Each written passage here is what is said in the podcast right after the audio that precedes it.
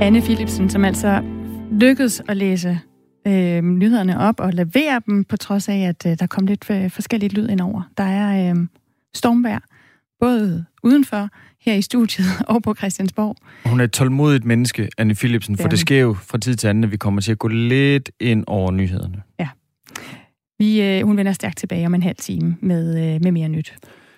Og der er altså gang i sms'en. Øh, der er flere, der har skrevet ind på 1424, startede deres besked med R4. Det er imponerende, hvor meget socialdemokratiske kernevælgere lyder som Trumps kultmedlemmer. Man vælger ikke at sige, Mette begik en kæmpe fejl, men jeg synes stadig, hun er den mest egnede til jobbet. I stedet vælger man at skabe sin egen virkelighed, hvor man benægter, at Mette gjorde noget forkert. Hun er simpelthen for perfekt i deres øjne til at kunne begå fejl. Så er der en anden en, øh, der skriver, i krig og kærlighed gælder alle knep, og vi er i krig i øjeblikket. I krig med corona. Så der gælder altså alle knep. Og det er jo det her med, om man er villig til at se igennem fingre med, at ja, man har måske instrueret nogle minkavlere til at gøre noget, altså slå deres mink ned, som der ikke var hjemmel i lovgivningen til, men det var for et større gode. Det var for det fælles bedste. Det var for folkesundheden. Så derfor så er det ikke så vigtigt, hvad der står i nogle forskellige paragrafer og sådan noget der, fordi at der var noget større på spil. Iben, hun ved i hvert fald også godt, hvad hun synes, der er på spil. Hun skriver, Mette Frederiksen har begået en fodfejl, ikke noget kriminelt. Minkavl har i overvis været en skændsel. Det burde have været lukket år tilbage. Nu til med en sundhedstrussel.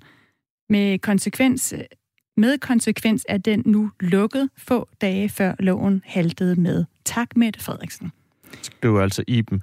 Og så øh, fuldstændig anden boldgade skriver an, det deprimerer mig, at man er ligeglad med demokratiets grundlæggende spilleregler og lader sig farve af, at der er tale om et usekset erhverv i mangens øjne. Ja. Vi havde jo simpelthen lige Niels Vium Olsen, som er lektor i historie øh, ved Aarhus Universitet inden, at fortælle, at det han som historiker kigger på nu. For en ting er, hvad er grunden til, at man går af som minister? Får man en næse? Får man et mistillidsvotum? Trækker man sig selv, som Mogens Jensen gjorde, fordi man ved, man ikke har mere støtte? Eller ender det helt op i noget med en rigsretssag? Så er det simpelthen også en kamp nu om et politisk budskab. Altså, hvor en regering nu vil gå ud og sige, der var en grund til det her. Det kan godt være, det var ulovligt, men der var en grund til det, og det var for folkesundheden. Og så har vi oppositionen, der siger, det er simpelthen ikke okay at øh, begå den her ulovlighed, og ansvaret er ikke bare Mogens Jensens, der er også et ansvar på statsministeren. Det vi ved indtil videre med sikkerhed, det er, at konsekvensen har været, at Mogens Jensen er gået af som fødevareminister. Det er min klare vurdering, at øh, jeg ikke længere har den øh, fornødne opbakning blandt øh, Folketingets partier, og derfor har jeg i dag meddelt øh, statsministeren, øh, at jeg ønsker at udtræde af regeringen. Så det blev i hvert fald kon- konsekvensen af den her mink-misære. Den forløbige. Vi ved fra redegørelsen, at seks andre ministre også har haft adgang til bilag, hvor der står, at der ikke var lovhjemmel til at kræve raske mink uden for smittezonerne aflevet.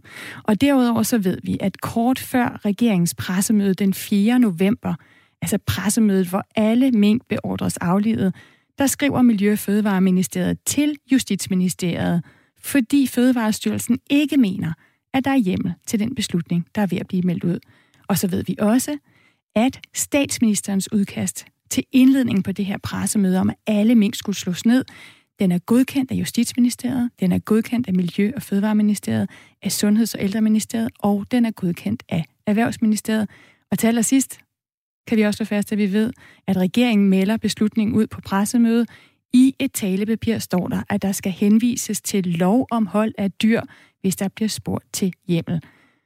Altså, Andreas øh, Stensberg, øh, politisk, undskyld, Stenberg, politisk ordfører for Radikal Venstre, som nu er med her. Prøv lige at forklare mig, hvorfor bør regeringen ikke gå af på baggrund af den her sag? Tak fordi jeg må være med også. Mm. Tak for jeres egentlig gode gennemgang af, af situationen med, med spørgsmål fra jeres lyttere. Øhm, det er jo øh, nødvendigt at slå de her mængder ned, men det er også sket uden at have en lov bag, og det er jo al- alvorligt, at folk har fået, fået ødelagt deres øh, livsgrundlag på, øh, på den måde, og politiet og, og forsvaret er, er sat ind. Og det, man kan læse ud af redegørelsen, det er, at Mogens Jensen fik øh, besked om, der ikke var lov bag, men gjorde ikke noget. Og øh, derfor øh, har vi jo meddelt øh, statsministeren forleden, at øh, vi synes, han øh, skulle trække sig, og det har han så også gjort, og det er den rigtige beslutning. Øh, der er ikke noget yderligere i den redegørelse, der tegner på, at øh, regeringen som sådan øh, har øh, været ansvarlig for, for det her lovbrud. Det man til gengæld kan se, det er, at der har været øh, begået fejl øh, hele vejen rundt i særdeleshed i embedsværket, og derfor er der brug for at lave yderligere undersøgelser af, hvordan så stor en fejl kunne ske, og det er vi så i overvejelse om, hvad for en type undersøgelse, der vil være det rigtige at lave. Så det er altså embedsværket, der har begået fejl her. Er, er du som folkevalg tryg ved, at embedsværket fortsætter deres arbejde? Der er øh, også det, at øh, Mogens Jensen begik den fejl, at da han fik at vide, at der ikke var en lov, så gjorde han ikke øh, noget ved det, og, og derfor øh, var det den rigtige beslutning, at øh, han gik af. Og jeg kan jo sige på den måde, at med den redegørelse, vi har fået, der er ikke noget, der tyder på, at der er andre ministre, der, der har siddet øh, overhørig eller beordret et, et lovbrud. Men øh, jeg kan jo heller ikke udelukke det. Og i hvert fald kan man se, at der er embedsværk, der har lavet forkerte indstillinger og også siddet på øh, viden om, at øh, der ikke var lov bag, og så ikke rigtig gjort noget. Tværtimod har man øh, fortsat og øh, sendt øh, beskeder ud til minkavlerne, selvom man har vidst, der ikke var lov bag. Så der er i hvert fald brug for at lave yderligere undersøgelser for at vide, hvad det er. Men, men altså grundlæggende har jeg det øh, selvfølgelig tillid til embedsværket, og øh, fejl kan ske, men så skal fejl undersøges, og det kan også være, at at der skal tages nogle konsekvenser af de fejl, men øh, grundlæggende synes jeg, at vi har et godt embedsværk, så jeg har ikke grund til at sige, at jeg sådan som sådan har mistillid til, til alle embedsmænd øh, i vores samfund. Andreas Stenberg, hvad kunne det være for nogle konsekvenser? Det er klart, at hvis man har øh, lavet øh, store fejl, så, så kan man jo i sidste ende blive, blive fyret. Øh, og det er ikke mig, der skal stå og sige det. Jeg synes ikke, det klæder for eksempel SF's formand, at hun siger, at øh, der er en bestemt embedsmand, mand, der skal fyres. Det er ikke en ordentlig måde at, at have et embedsværk på. Der er jo et, et helt system til den slags, øh, hvor, hvor der skal laves øh, høringer og, øh, og den, den slags inden for, inden for overenskomst og fagbevægelsens regler. Så det må, det må gå sin gang, hvis der er nogle øh, embedsfolk, der har lavet så store fejl, at det, øh, at det skal have konsekvenser. Så til trods for, at vi ved, at der sidder folk i Fødevareministeriet og i Fødevarestyrelsen, og ved, at det her har været ulovligt, og at vi ved, at den, det ikke er blevet kommunikeret op til Fødevareminister Mogens Jensen, så, så mener du ikke, at øh, for eksempel en departementchef for Fødevareministeriet øh, bør gå nu? Det, det kan jeg ikke udelukke, men det er ikke mig, der er domstol. Altså, det er jo helt bærende i et øh, demokrati, at øh, jeg som lovgiver laver love, og, mm. Og hvis der skal uddeles øh, straf, øh, så er det... Men du kan have en holdning organer, til det, ligesom SF? Det. Nej, det synes jeg ikke, øh, man skal, fordi det, det, skal, det skal gå sin, sin gang og gå ordentligt til. Det er ikke os politikere, der skal sidde og fyre embedsmænd. Det er ikke en ordentlig måde at gøre det på. Det skal, det skal gå via af domstole og andre, andre fagretslige veje, hvis det skal ske. Det kan man, det kan man ikke sidde og vedtage i Folketinget, at navngivende øh, embedsmænd skal fyres. Det er ikke en ordentlig måde at behandle folk på. Andreas Stenberg, du sagde tidligere, at pilen ikke rigtig peger på andre ministerier og ministre end fødevareministeren. Men den 1. oktober, der er der jo et møde i regeringens udvalg for covid-19. Og her der, der bliver man øh, forelagt muligheden for at slå alle mink ned, og den mulighed den bliver også diskuteret. Og de sagsakter, der fremgår det, at Miljø- og Fødevareministeriet vurderer, at ved sådan et tiltag her, der skal man have ændret lovgivning på området. Der er vi altså tilbage 1. oktober. Og på, i det møde, der deltager justitsminister Nick Hækkerup, udenrigsminister Jeppe Kofod, sundhedsminister Magnus Heunicke, erhvervsminister Simon Kollerup og kulturminister Joy Mogensen og Nikolaj Vammen. Så hvordan kan pilen ikke pege på andre end Mogens Jensen? Det kan jeg simpelthen ikke forstå. Ja, men der står også i redegørelsen, at da de træffer beslutningen, så får de at vide, at der er en lov bag, altså det stik modsatte. De får at vide, at de skal henvise og, øh, til en, en lov om hushold af dyr. Præcis. De får at vide, at der er en lovhjemmel i, øh, i veterinærloven, som den hedder. Øh, og derfor må man sige, at, at den redegørelse peger i mange retninger, og øh, der er blevet givet øh, forskellige øh, vejledning til ministerierne på forskellige tidspunkt. Øh, som det fremgår, så får de at vide, at de træffer beslutningen, at der er lovgrundlag. Og det er altså samtidig med, at øh, Fødevarestyrelsen ikke mener, at der er lovgrundlag. Og så øh, gør embedsværket det, at selvom de ved, at der ikke er lovgrundlag, så kører de videre. Og så er det først tre dage efter, at de klokkeklart informerer Mogens Jensen om, at der ikke er et lovgrundlag, hvor han så vælger ikke at gøre noget. Men øh, som det ser ud i redegørelsen der, så har, øh, så har man altså fået en, en vurdering af embedsværket, der hedder, at der var en lov bag, da man træffer beslutningen. Øh, men øh, men øh, det har jo så været en, en ret stor fejl, og det er også meget uforståeligt, at man vælger at lade fejlen køre videre, selvom man ved noget andet i ganske lang tid. Og det, øh, det er noget af det, der kunne skabe øh, grobund for en videre undersøgelse. Okay, Andreas Stenberg, altså politisk ordfører for Radikal Venstre. Øh, vi har været igennem embedsværket. Øh, vi har kigget på, hvad du mener om andre øh, ministre. Lad os lige prøve at vende os til, hvad der så skal ske nu. Alle er enige om, øh, både jer, støttepartier og oppositionen, at der skal være en eller anden form for undersøgelse.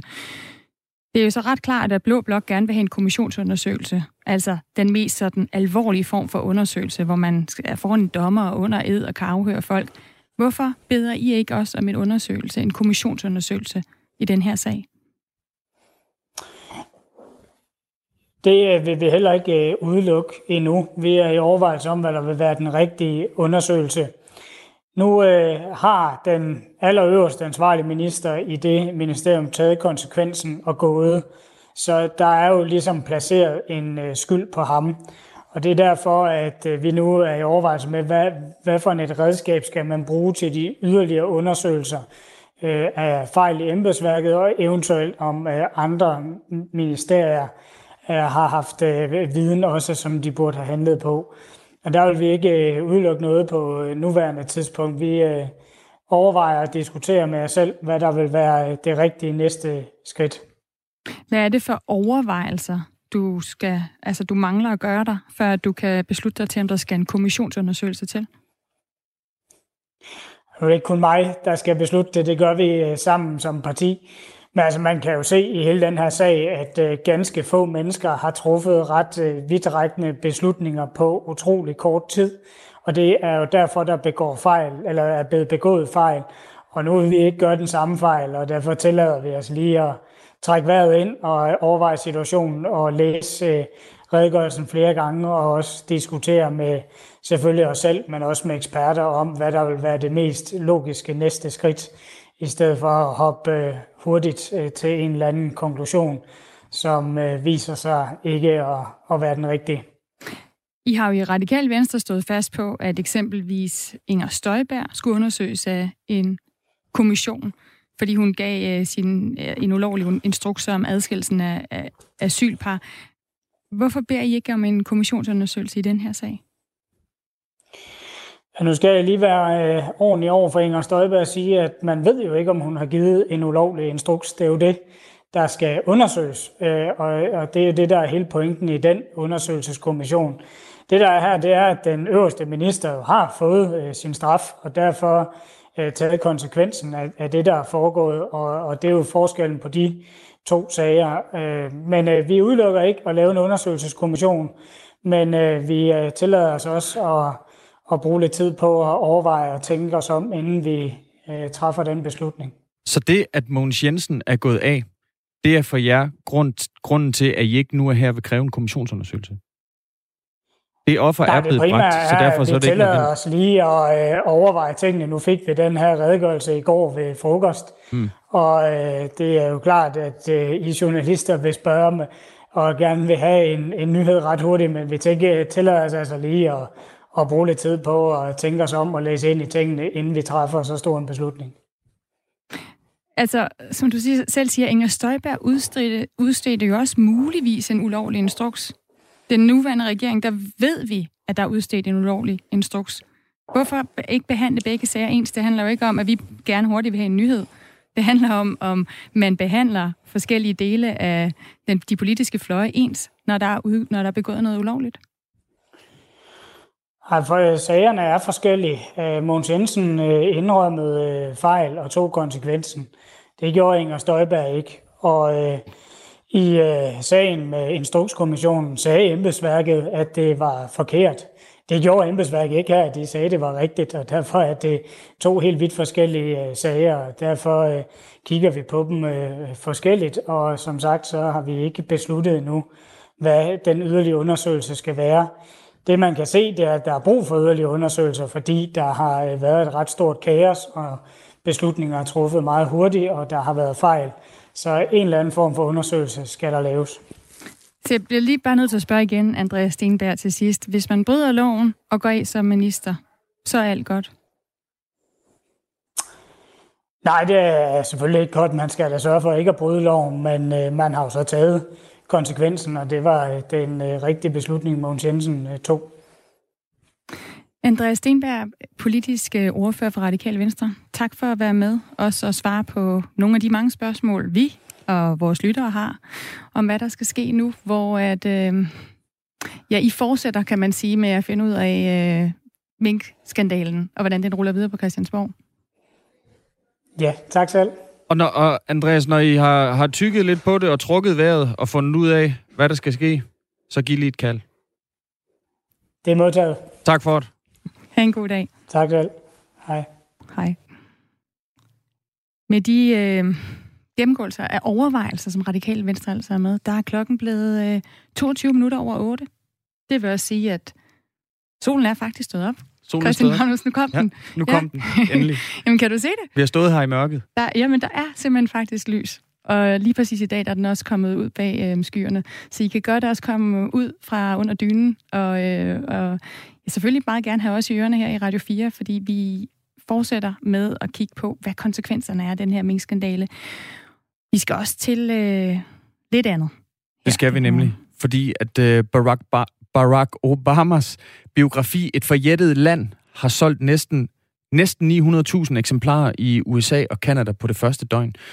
Dermed så er den på vej til at blive den bedst sælgende erindringsbog for en amerikansk præsident i nyere tid. Godmorgen, Lars Bosgaard. Godmorgen. Du er direktør i Lindhardt og Ringhof, som øh, udgiver den her danske oversættelse. Et forjættet land. rigtigt, ja. Mm. Hvad, hvad er det, der gør en god biografi? Jamen altså, en god biografi øh, kan, jo være kan jo have mange former, man kan sige. Det, der er så, det, der er så tydeligt med Barracks øh, biografi, det er, at man er i godt selskab.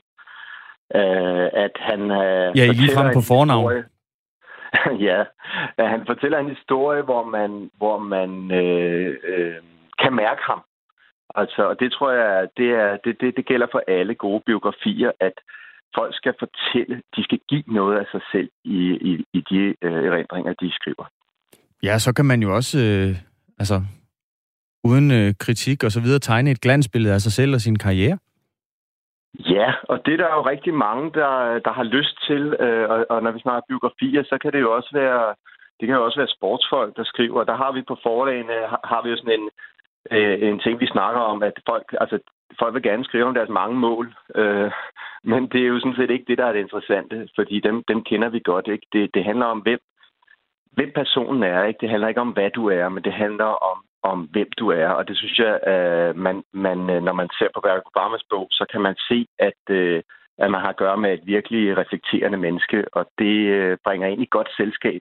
Og det tror jeg er enormt vigtigt, øh, når man snakker om at lave en succesfuld biografi, at man skal ligesom kunne sætte sig ind i personens øh, liv og sted. Den danske version øh, af bogen her, den er altså 880 sider lang, og det er altså kun første bind. Andet bind af Barack Obamas erindringer, de forventes at udkomme øh, i to, år 2022. Hvad giver han så af sig selv i bogen Et forjættet land?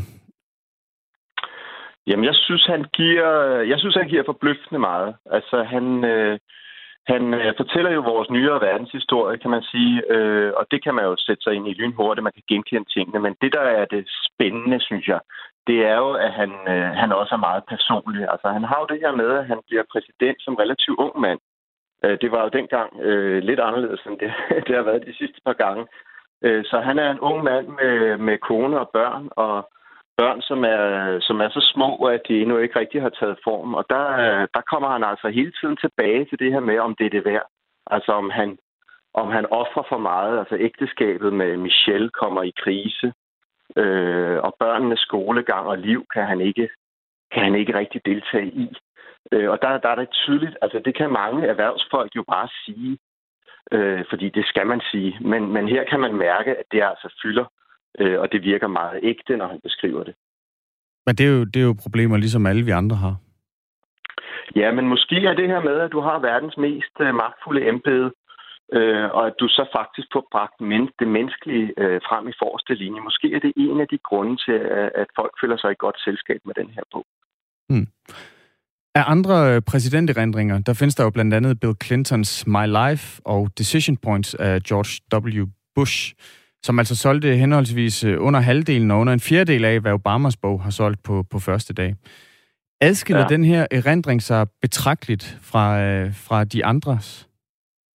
Ja, det tror jeg, det, altså det tror jeg, man må sige, i og med, at Barack Obama også er forfatter. Altså, øh, så, så du kan mærke meget hurtigt, at det her det er godt skrevet. Og du kan mærke meget hurtigt, at han, som jeg siger, han går af med noget. Han, han, øh, han er ikke bare i gang med at fortælle om de store begivenheder. Der kommer også små begivenheder med ind imellem. Så jeg tænker, at, øh, at, at, øh, det her kommer til at blive helt vildt. Altså det amerikanske første oplag, tror jeg var 3 millioner eksemplarer. Øh, og det var simpelthen, fordi de ikke kunne skaffe øh, trykkapacitet til at lave mere. Og øh, nu hører jeg, at der er røget 800.000 ud den første dag. Så jeg kan forestille mig øh, panikken på forlagsgangene i USA i øjeblikket. Altså det her tegner til øh, at blive den største øh, og bedst sælgende biografi nogensinde. Har vi nogle øh, sådan øh, danske politiske biografier, der, øh, der når op på det, du mener, Barack Obamas kan? Altså det med, at man kan mærke ham. Altså, øh, det, der er da helt sikkert øh, danske politikere, der, der gennem årene har lavet øh, fine bøger. Men jeg, jeg tror altså, jeg vil sige, at vi er i en anden liga, og det er jo også det, som øh, anmeldelserne i Danmark øh, har været med, at han sætter en ny standard.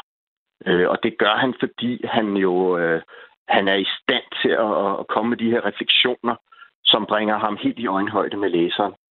Øh, så jeg tænker faktisk, at vi, at, øh, at, at vi med den her bog har en ny standard, og netop det her med, man overgår ikke mere af den der Trump-agtige adfærd, hvor det hele handler om at rose sig selv.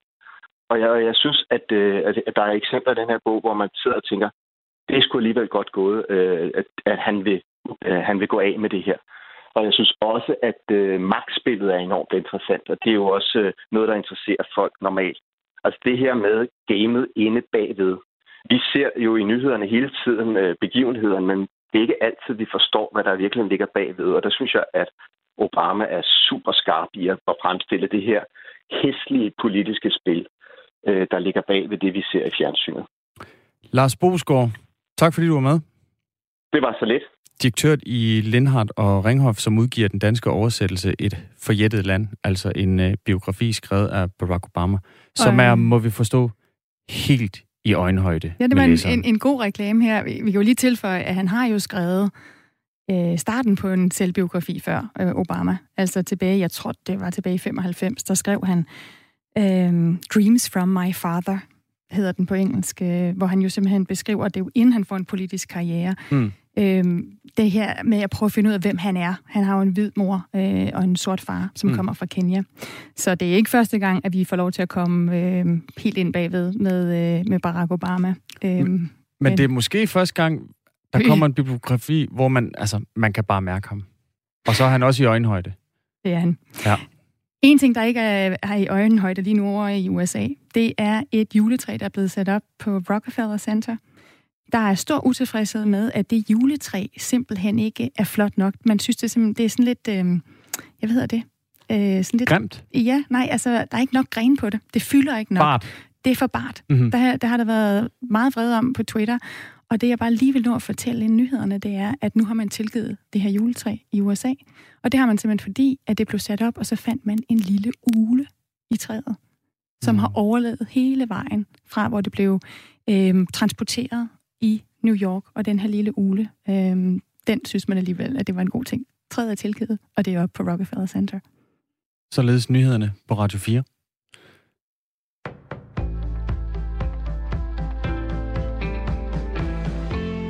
Der kommer til at ske ændringer i regeringen i dag kl. 11 præsenterer statsminister Mette Frederiksen ændringer i regeringen for dronningen. Ændringerne sker efter, at Mogens Jensen har trukket sig som minister. Det skete efter, at han i starten af måneden var med til at give en ordre om at aflive alle mink på danske besætninger, uden at der var lovhjemmel til det. Og det kan meget vel blive en større ændring, der bliver præsenteret senere i dag. Det vurderer Avisen Danmarks politiske redaktør Thomas Funding. Det, som de har sendt ud indtil videre fra statsministeriet, synes jeg ligesom indikerer, at, at der bliver lidt større omrokering. Det vi ved er, at Mogens Jensen modtages i det, der hedder afskedsaudiens hos dronningen på Amalienborg kl. 12 i dag, og så vil de ministerier, der bliver berørt af ændringerne, blive overdraget kl. 13, har statsministeriet meldt ud. Vi ved endnu ikke, hvem der skal afløse Mogens Jensen på posten som minister for fødevare, fiskeri, ligestilling og nordisk samarbejde, og vi ved heller ikke, om der kun skal findes en erstatning for Mogens Jensen eller flere. Ifølge Thomas Funding, så er der flere politiske kandidater, der ligger lunt i svinget til at få en ministerpost i dag. En mand som Christian Rabjerg, øh, Jesper Petersen, øh, Jens Jol, af de tre, jeg har, har blik for, der man kunne hive ind. Det kan også være, at Mette Frederiksen siger, at vi skal have en med lidt mere erfaring, fordi der skal altså ind og ryddes op i det her ministerium. Det kunne tale for en øh, Karen Hækkerup, hvis hun gider. Øh, hun har siddet, hun kender ministeriet, hun har, hun har været minister for det tidligere. Man kunne også vælge at sige, at vi tager en af juniorministerne. Det kunne være en Kåre Dybbad, øh, der sidder i Boligministeriet. Der er delte meninger på Christiansborg om, hvad der skal ske nu i Mink-sagen, efter Mogens Jensens farvel til ministerposten og den redegørelse, der kom om netop sagen i går. De konservative kræver en kommissionsundersøgelse, og det får opbakning i hele Blå Blok. Og Radikale Venstre mener også, at der er brug for at komme mere i dybden i sagen. Partiet mener ikke, at en advokatundersøgelse er nok. Men samtidig så vil radikale ikke allerede nu tage stilling til, om det for eksempel er en kommissionsundersøgelse, der er vejen frem. Det siger grundlovsordfører og medlem af Folketingets præsidium, Jens Rode. Forskellen på de her undersøgelser er, at Blå Blok ønsker en kommission, der kan indkalde vidner, som altså har pligt til at udtale sig mundtligt, og i en advokatundersøgelse, der er der kun tale om skriftlige svar. Men sådan en kommission kræver et flertal i Folketinget, og derfor så er Blå Blok afhængig af radikale stemmer, fordi SF og Enhedslisten ikke støtter kravet. De har nemlig meldt ud, at de er tilfredse med en advokatundersøgelse. Den amerikanske regering advarer nu mod, at amerikanerne glemmer alt om restriktioner og fejrer højtiden som normalt i forbindelse med højtiden Thanksgiving i næste uge, det skriver TV2. Brett Giroir, der er ansvarlig for testning af coronavirus i det hvide hus, siger, at en negativ coronatest ikke giver amerikanerne frit løb. Og derfor så opfordrer hun alle til at fejre højtiden i egen husstand eller med få andre husstande, så smitten ikke løber løbsk under højtiden. Vi er godt i gang med en torsdag, der byder på lidt eller nogen sol og perioder med skyer og regn flere steder, så lidt en blandet landhandel. Vi får temperaturer mellem 5 og 10 grader, og så er det også noget blæsende dag i dag. Vi får frisk vind til cooling fra sydvest med kraftige vindstød, og ved kysterne, der kan vi nå helt op på hård cooling eller stormende cooling, og også her vindstød af stormstyrke. Og det her blæsende vejr, det betyder også, at Vejdirektoratet lige nu fraråder vindfølsomme køretøjer og passerer Øresundsbroen. Det var nyhederne på Radio 4 med Anne Philipsen.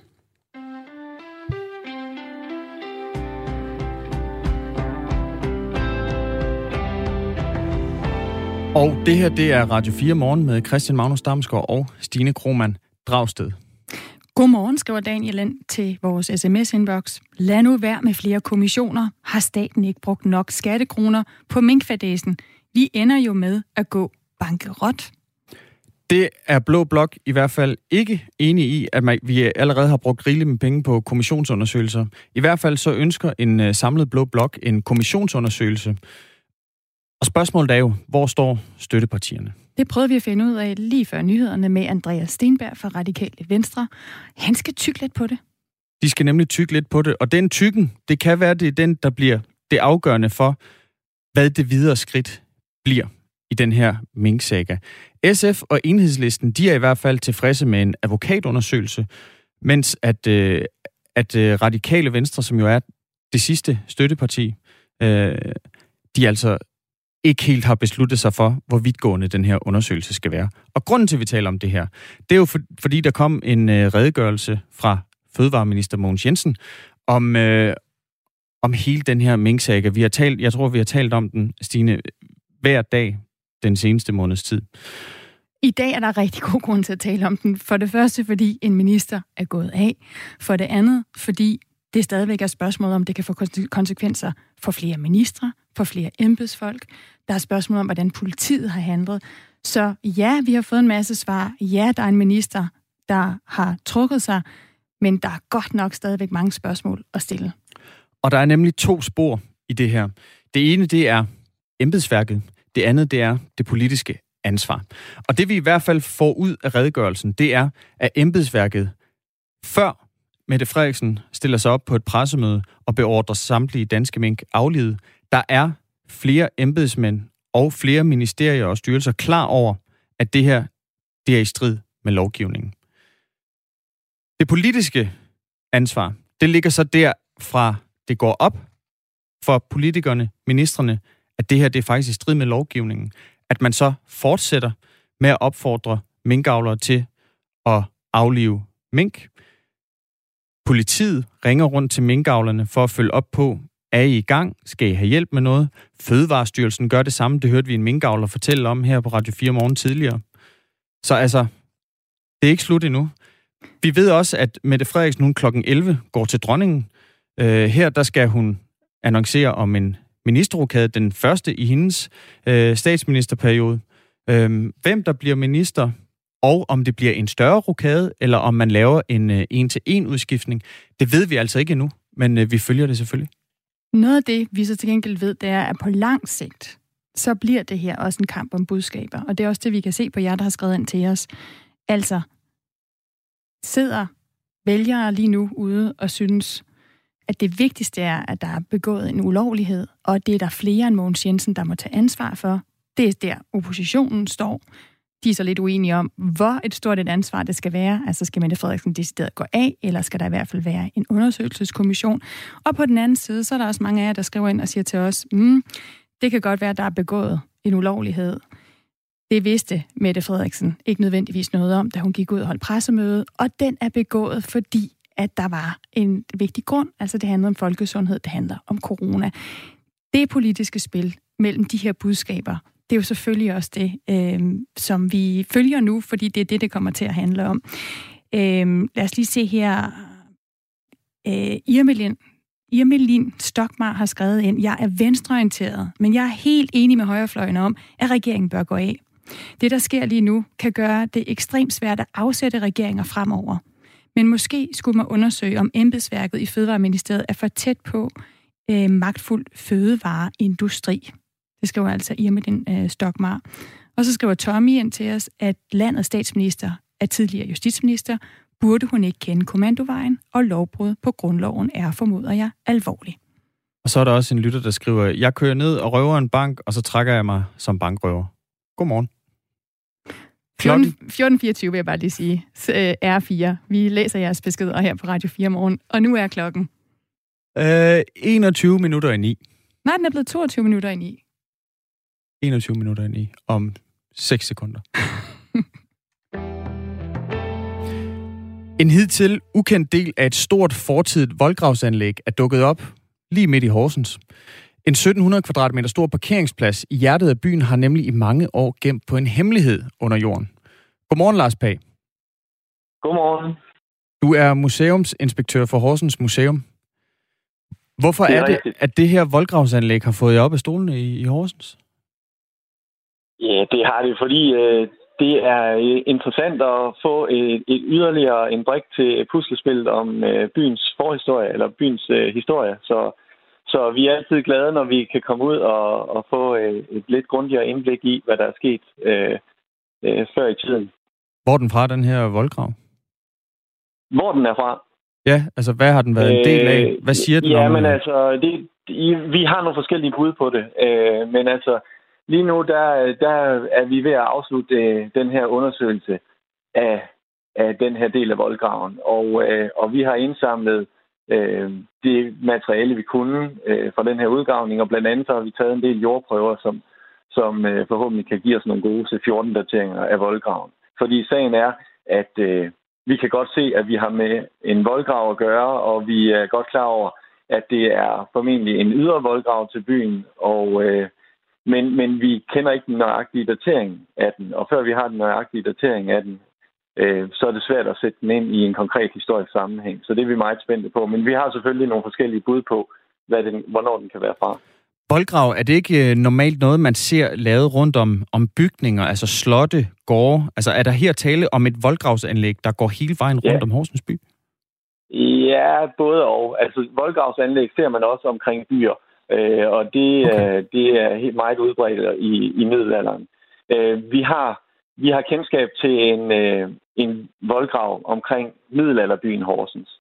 Øh, og den, den bliver anlagt i 1300-tallet og bliver sløjfet op i slutningen af 1500-tallet, hvor kongen giver borgerne lov til at sløjfe voldgraven, fordi de skal udvide byen. Så den har vi sådan nogenlunde styr på. Den ligger lidt længere inde imod selve den middelalderlige bykerne. Her, hvor vi graver nu øh, ved Rederskade, der er vi lidt udenfor. Og det vil sige, at vi har formentlig med en ydre, et, et ydre voldgravsanlæg at gøre. Øhm, men det, som vi, når vi kigger på det her fund, når vi, når vi ser det tværsnit, vi har lavet i voldgraven med gravemaskinen, så kan vi jo se, at det er ret øh, omfattende omlæg, øh, anlæg, som er måske 6 meter bredt og øh, halvanden to meter dybt. Så vi tænker, at det er mere end bare en afgrænsning af, af hvad skal man sige, en administrativ grænse mellem byjord, bymarker og, mm. og, og, øh, og markjord.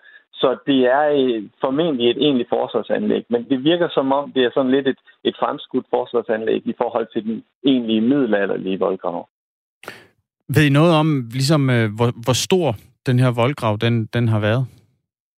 Øh, vi kender øh, til den her voldgrav fra andre udgravninger i byen tidligere, så vi, vi kendte godt til dens eksistens, men lige præcis på det her sted var vi, var vi lidt i tvivl om, hvordan forløbet af den, den var. Men altså, vi har, vi har at, at gøre med en ydre voldgrav til byen.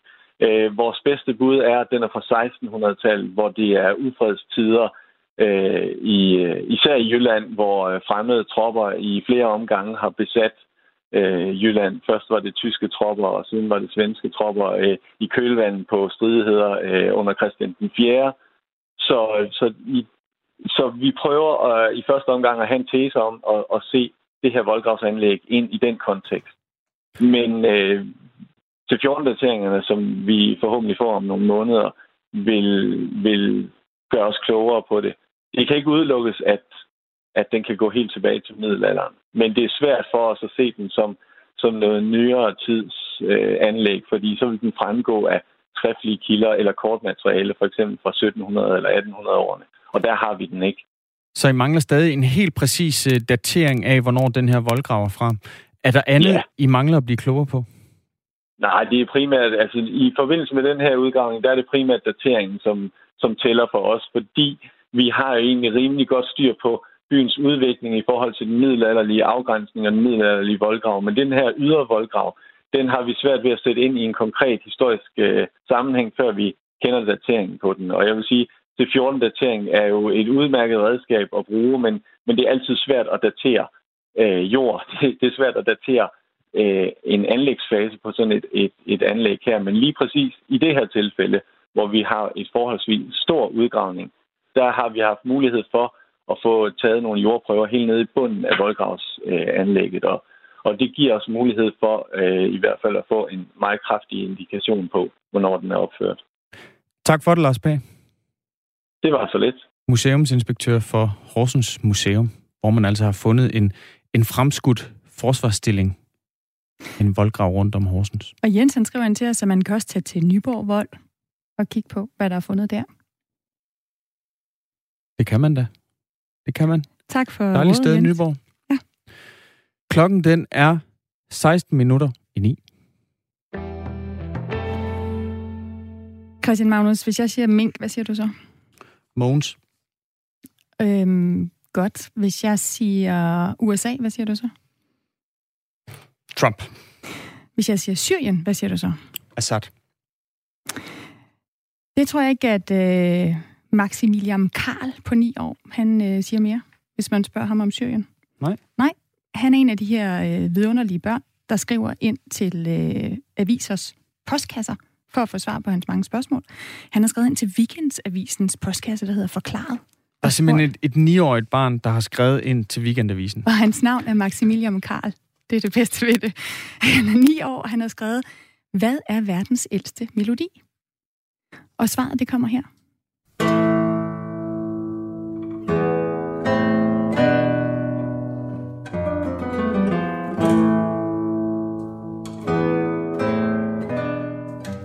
Det her det er i hvert fald et bud på, hvordan verdens ældste musikstykke kunne lyde, fordi det er det ældste musikstykke, der er skrevet ned. Der har selvfølgelig eksisteret musik i meget, meget lang tid, som ikke har været nedskrevet, men det her musikstykke, det blev skrevet ned for 3.400 år siden. Altså, det er skrevet ned over 1000 år før vores tidsregning. Det er helt vildt. Og det ved vi, fordi det her musikstykke, den her hymne, den er skrevet på en lærtavle, som blev fundet netop i det nordlige Syrien. Deraf Syrien. Og det handler om øh, det her musikstykke, der er en tekst til. Det handler om en ung kvinde, som ikke kan få børn. Hun tror, at det er en form for straf for, at hun har opført sig forkert. Og i det her musikstykke, der beder hun til frugtbarhedsgudinden Nikal, og beder hende om, at, øh, altså, at gudinden hjælper hende med den her frugtbarhed. Hun skænker hende sesamfrø og olie i en lille krukke af tin. Det er altså fundet øh, den her, øh, det her lærstykke med de her noder på, som det har været rigtig svært at oversætte, fordi det er ikke de noder, vi kender i dag. Den blev fundet tilbage i 1950 i det nordlige Syrien, øh, hvor der altså levede et oldtidsfolk øh, i Mellemøsten. Altså vi er jo helt tilbage i bronzealderen. Og øh, så kunne man jo godt også spørge om, det var i hvert fald så det, mine børn spurgte om, efter vi havde læst øh, svaret her til øh, Maximilian Karl fra Weekendavisen, det, så var spørgsmålet, hvad er den ældste nordiske melodi? Ja. Og det viser sig, at det, øh, ja, det er en vise, der er nedskrevet af en munk i omkring øh, år 1300, altså for ja, 720 år siden. Og den står faktisk i højskolesangbogen. Det er nemlig den samme melodi, som Den om, om ramadanen? Nej, det er det ikke. Den er jo lidt nyere. Okay. Det er melodien, som vi bruger til, til den her sang, Drømte mig en drøm i nat.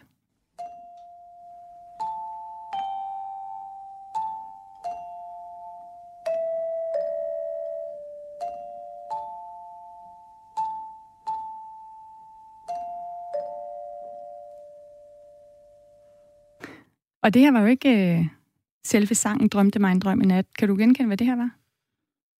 Uh, det var noget xylofon. Ja, du kender ikke det signal. Det Nej. Viser, hvor ung du er, Christian Magnus. Det er meget dejligt. Det er det signal, der blev brugt som pausesignal på DR siden øh, 1931. Så da vi slog den her sang op, altså mig og mine børn og min familie, og begyndte at synge Drømte mig en drøm i nat, så var det første, jeg tænkte, det er jo pausesignalet for DR. Det, det, Flow TV. Flow TV. Øhm, ja, der har simpelthen været et signal, som man skulle bruge, når man holdt pause, og man valgte i DR at bruge den ældste melodi, øh, altså den ældste nordiske melodi, der har været nedskrevet. nedskrevet. Det synes jeg, der er et eller andet smukt ved. Jeg ved faktisk ikke, om den bliver brugt stadigvæk.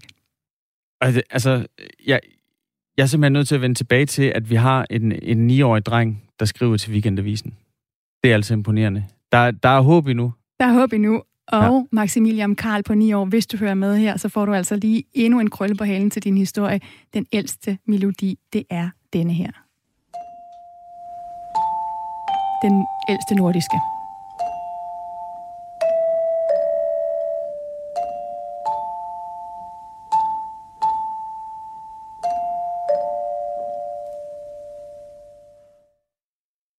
Og med det er klokken blevet lige knap 10 minutter ind i. Jeg sætter ikke en skiller på, for jeg synes simpelthen, at den her pausesignal, den gør det hele. Så du går bare videre. Og til noget, noget helt andet, for der er nemlig beviser for, at australske soldater har begået 39 ulovlige drab i Afghanistan. Det konkluderer en ny rapport, der er blevet fremlagt torsdag efter fire års efterforskning, det skriver nyhedsbyrået Reuters. Chefen for Australiens forsvarsstyrke, general Angus John Campbell, han fortæller, at rapporten har fundet beviser for, at 25 australske specialstyrkesoldater har dræbt fanger, landmænd og andre civile. Godmorgen, Najib Kaya. Godmorgen. Journalist og ekspert i blandt andet Afghanistan. Hvad betyder det her for, for tilliden til de vestlige styrker i, i Afghanistan? Jamen, øh, især i landområderne i Afghanistan, der tilliden til de vestlige styrker ikke særlig stor øh, i forvejen. Det her det kommer til at være vind i sejlene for især Taliban-bevægelsen, som prøver at øh, propagandere, at øh, Vesten de kun er der for, øh, for at øh, påtvinge dem deres ideologi og så videre, og det, at der har været bevidste drab på civile, det, det er jo noget, som de kan bruge øh, i deres agitation på den vestlige tilstedeværelse. Det, det, det er rigtig dårligt. Kan det her komme til at få betydning for, for de danske soldater, som vi jo også har i, i Afghanistan? Jamen, ikke direkte, fordi de danske soldater er ikke involveret i kamphandling. De danske soldater, de, øh, de er i Kabul, og, og den danske militære tilstedeværelse er begrænset til en rådgivende øh, funktion lige nu. Øh, og der er ikke særlig mange vestlige soldater, som er aktive øh, på jorden lige nu i Afghanistan. De fleste, øh, altså de, de soldater, som er aktive, det er amerikanske, og der er ikke særlig mange af dem tilbage i Afghanistan. Det er få tusind. Så det er noget, som primært vil gå ud over den tillid til den afghanske regering. Fordi de vestlige styrker jo den afghanske regerings allierede. Mm. Lige nu er der en øh, kamp om hearts and minds lige nu i Afghanistan hvor Taliban de prøver at i talesætte sig selv som de moralske aktører, og som kæmper for at befri Afghanistan kontra den afghanske regering, som, som hjælper dem, som har besat landet. Og det er jo ikke noget, som, som altså det er jo ikke, der, Talibans propaganda øh, har ikke særlig meget succes i de større byer. Men i landområderne, hvor, hvor folk lider mest under kamphandlingerne, og hvor man mærker mest til for eksempel sådan noget som luftangreb og de her såkaldte night raids, net raids, hvor øh, det før var vestlige soldater, men nu er det afghanske specialstyrker, som rykker ind i landområder og prøver at fange talibaner. Det er de steder, øh, hvor, hvor, øh, hvor det her kan skabe endnu mere modvilje mod den afghanske regering, desværre. Og det, her, og, og det, er noget, ja. det, det her det kommer jo også frem på et tidspunkt, hvor Donald Trump han altså har meddelt, at han trækker 2500 øh, amerikanske soldater ud af Afghanistan. Hvor står Afghanistan øh, nu henne, øh, efter det her det er kommet frem, altså australske specialstyrkesoldater, der, der har slået, øh, slået folk ihjel? Altså Afghanistan stod på et meget kritisk sted allerede før den her oplysning den kom. Øh, allerede altså for, for, for, for altså for, for ikke så længe siden, der, altså, der begyndte mange afghanere ligesom at miste mod og miste troen på, at der kunne komme fred i landet. Fordi det, der skete, det var, at der var et vendepunkt her for, for et halvt år siden cirka, hvor man, hvor man, hvor man begyndte at altså, i gang sætte de her fredsforhandlinger der er mellem Taliban og den afghanske regering. Men nu er der rigtig mange, der ikke tror på, at den her fredsforhandlingsproces munder ud i noget øh, konkret. Og der er mange, der tror, at Taliban de bare prøver at trække tiden ud og, og lokke amerikanerne, den vestlige tilstedeværelse, ud af landet. Øh, og, øh, og når der kommer sådan nogle oplysninger, jamen så, så er der jo mange, som, som altså, i, i landområderne, som vil tænke, når, altså, om, om, om det er de vestlige styrker, eller om det er talibanerne, som kommer til at være her, det spiller ikke nogen rolle, altså så længe vi bliver fri for den her krig her. Nej, Kaja, jeg tager lige nogle fakta om, hvad vi ved om den her undersøgelse i Australien, som er grunden til, at vi nu taler om øh, styrkerne i Afghanistan. Og så imens kunne du ikke lige prøve at se, om du kunne gå lidt tættere på et vindue. Øh, vi har en lille smule dårlig forbindelse til dig, øh, så ja. vi kan høre, hvad du siger. Super. Øh, i, det er altså i 2016, at, øh, at Australien iværksatte en undersøgelse af landets specialstyrkers opførsel i Afghanistan. Hvordan de havde opført sig mellem 2005 og 2016. Og det kom, fordi der var beskyldninger fra lokale medier om drab på ubevæbnede mænd og børn. Og den her rapport, den afslører altså nu, hvordan nogle patruljer tog loven i egne hænder, hvordan regler blev brudt, historier blev opdigtet, løgne blev fortalt og, og fanger blev dræbt.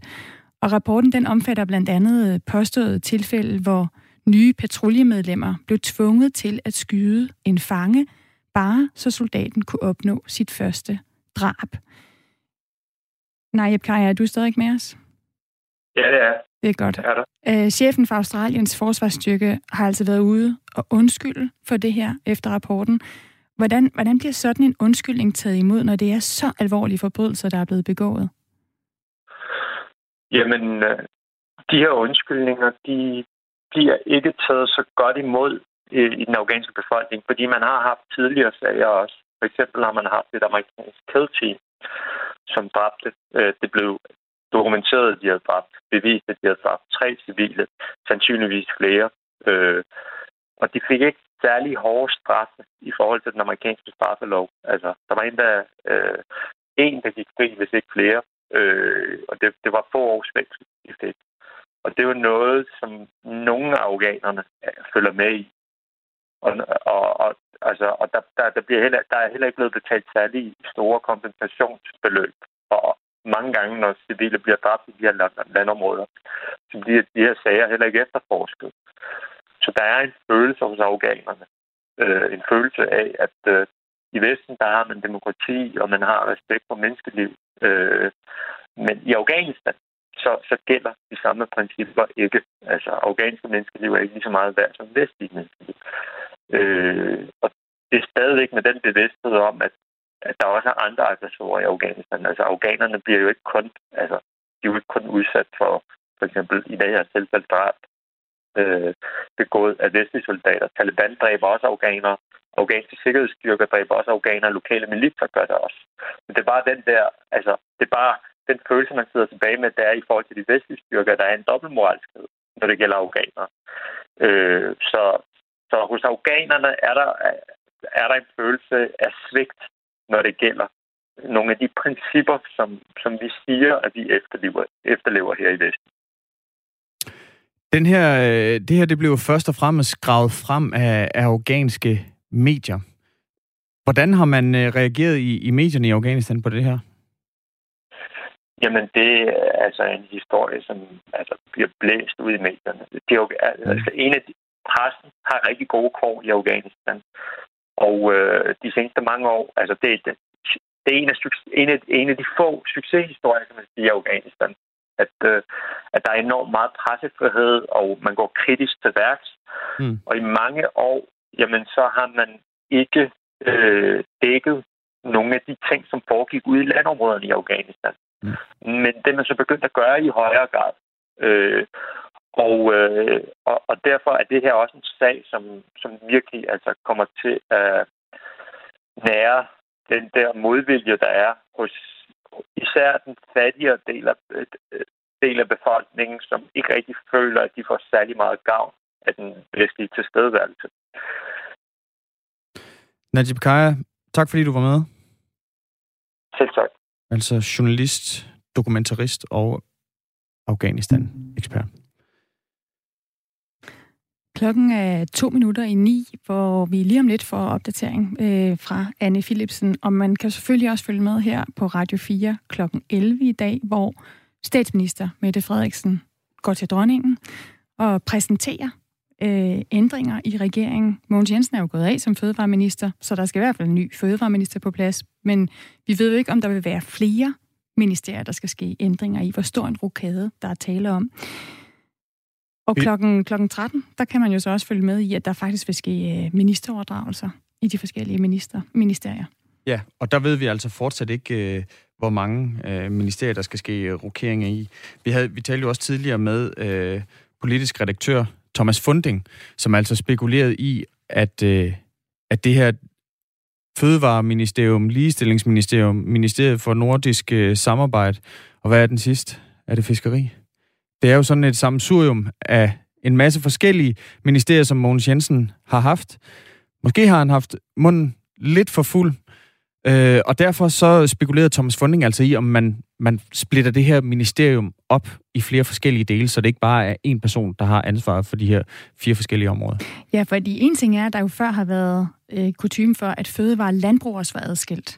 Mm. En anden ting er, at ligestillingsministeriet, som øh, måske før ikke har været et ministerie, der har fyldt så meget, der må man sige, at Mogens Jensen jo også på den post har fået travlt med alle de her MeToo-sager, der var. Så øh, det kunne også være spændende at følge med i. Kommer der en ligestillingsminister? Vi følger i hvert fald med. Øh, her kommer seneste nyt med Anne Philipsen.